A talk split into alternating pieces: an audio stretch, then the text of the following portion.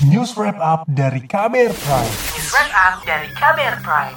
Sasaran vaksinasi COVID-19 terus diperluas, bukan saja hanya untuk anak usia 12 hingga 17 tahun, tapi rencana vaksinasi untuk ibu hamil dan menyusui juga sedang dipersiapkan.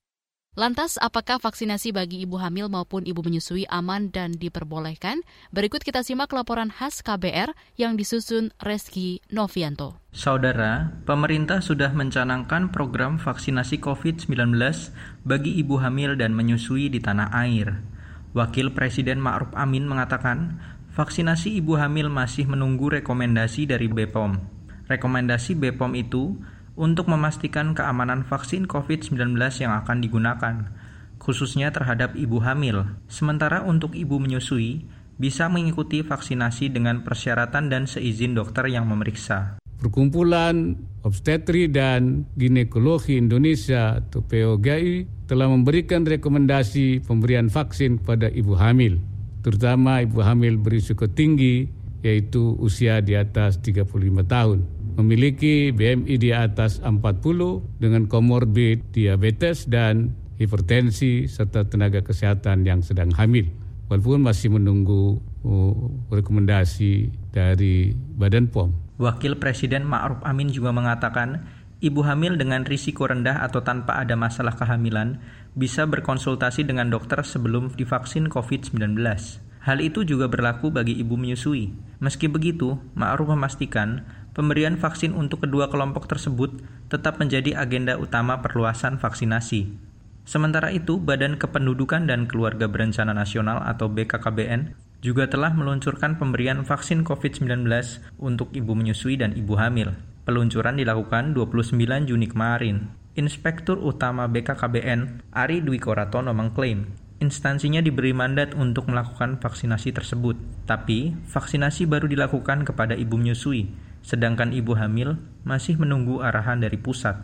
Uh, bersamaan dengan ditunjuknya BKKBN untuk menangani uh, COVID ibu hamil, ibu menyusui dan anak-anak, maka uh, sekaligus di dalam momen yang baik ini kita lakukan launching untuk vaksinasi pada ibu hamil, ibu menyusui dan anak usia 12 sampai 18 seperti itu.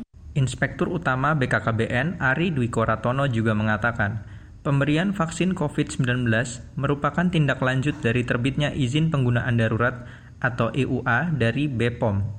Izin itu khusus untuk vaksin Sinovac asal Tiongkok.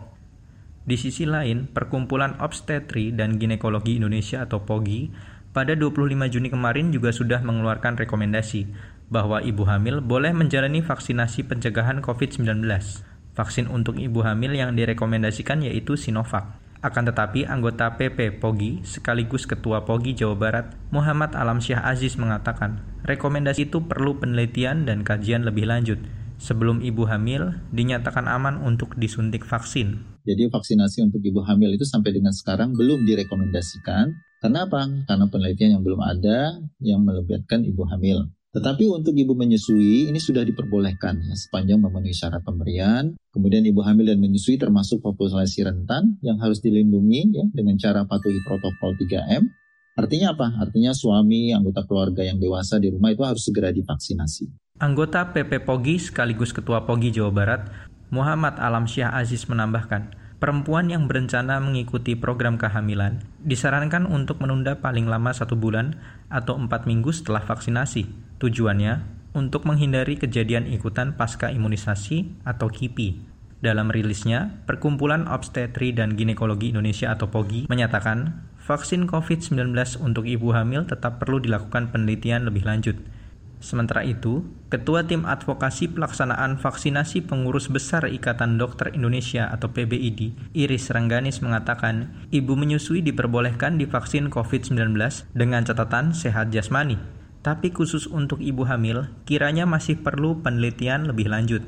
Sebetulnya ibu menyusui tidak berbeda dengan orang-orang yang usianya di atas 18 sampai 59 tahun. Karena ibu menyusui kan termasuk di usia itu, tentang usia itu.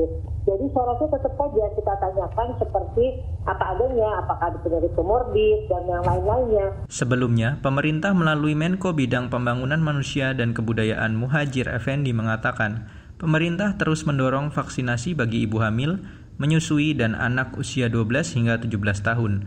Menurut Muhajir, vaksinasi akan semakin mempercepat target capaian 1 juta vaksinasi per hari sesuai arahan Presiden Joko Widodo. Demikian laporan khas KBR disusun Reski Novianto, saya Reski Novianto.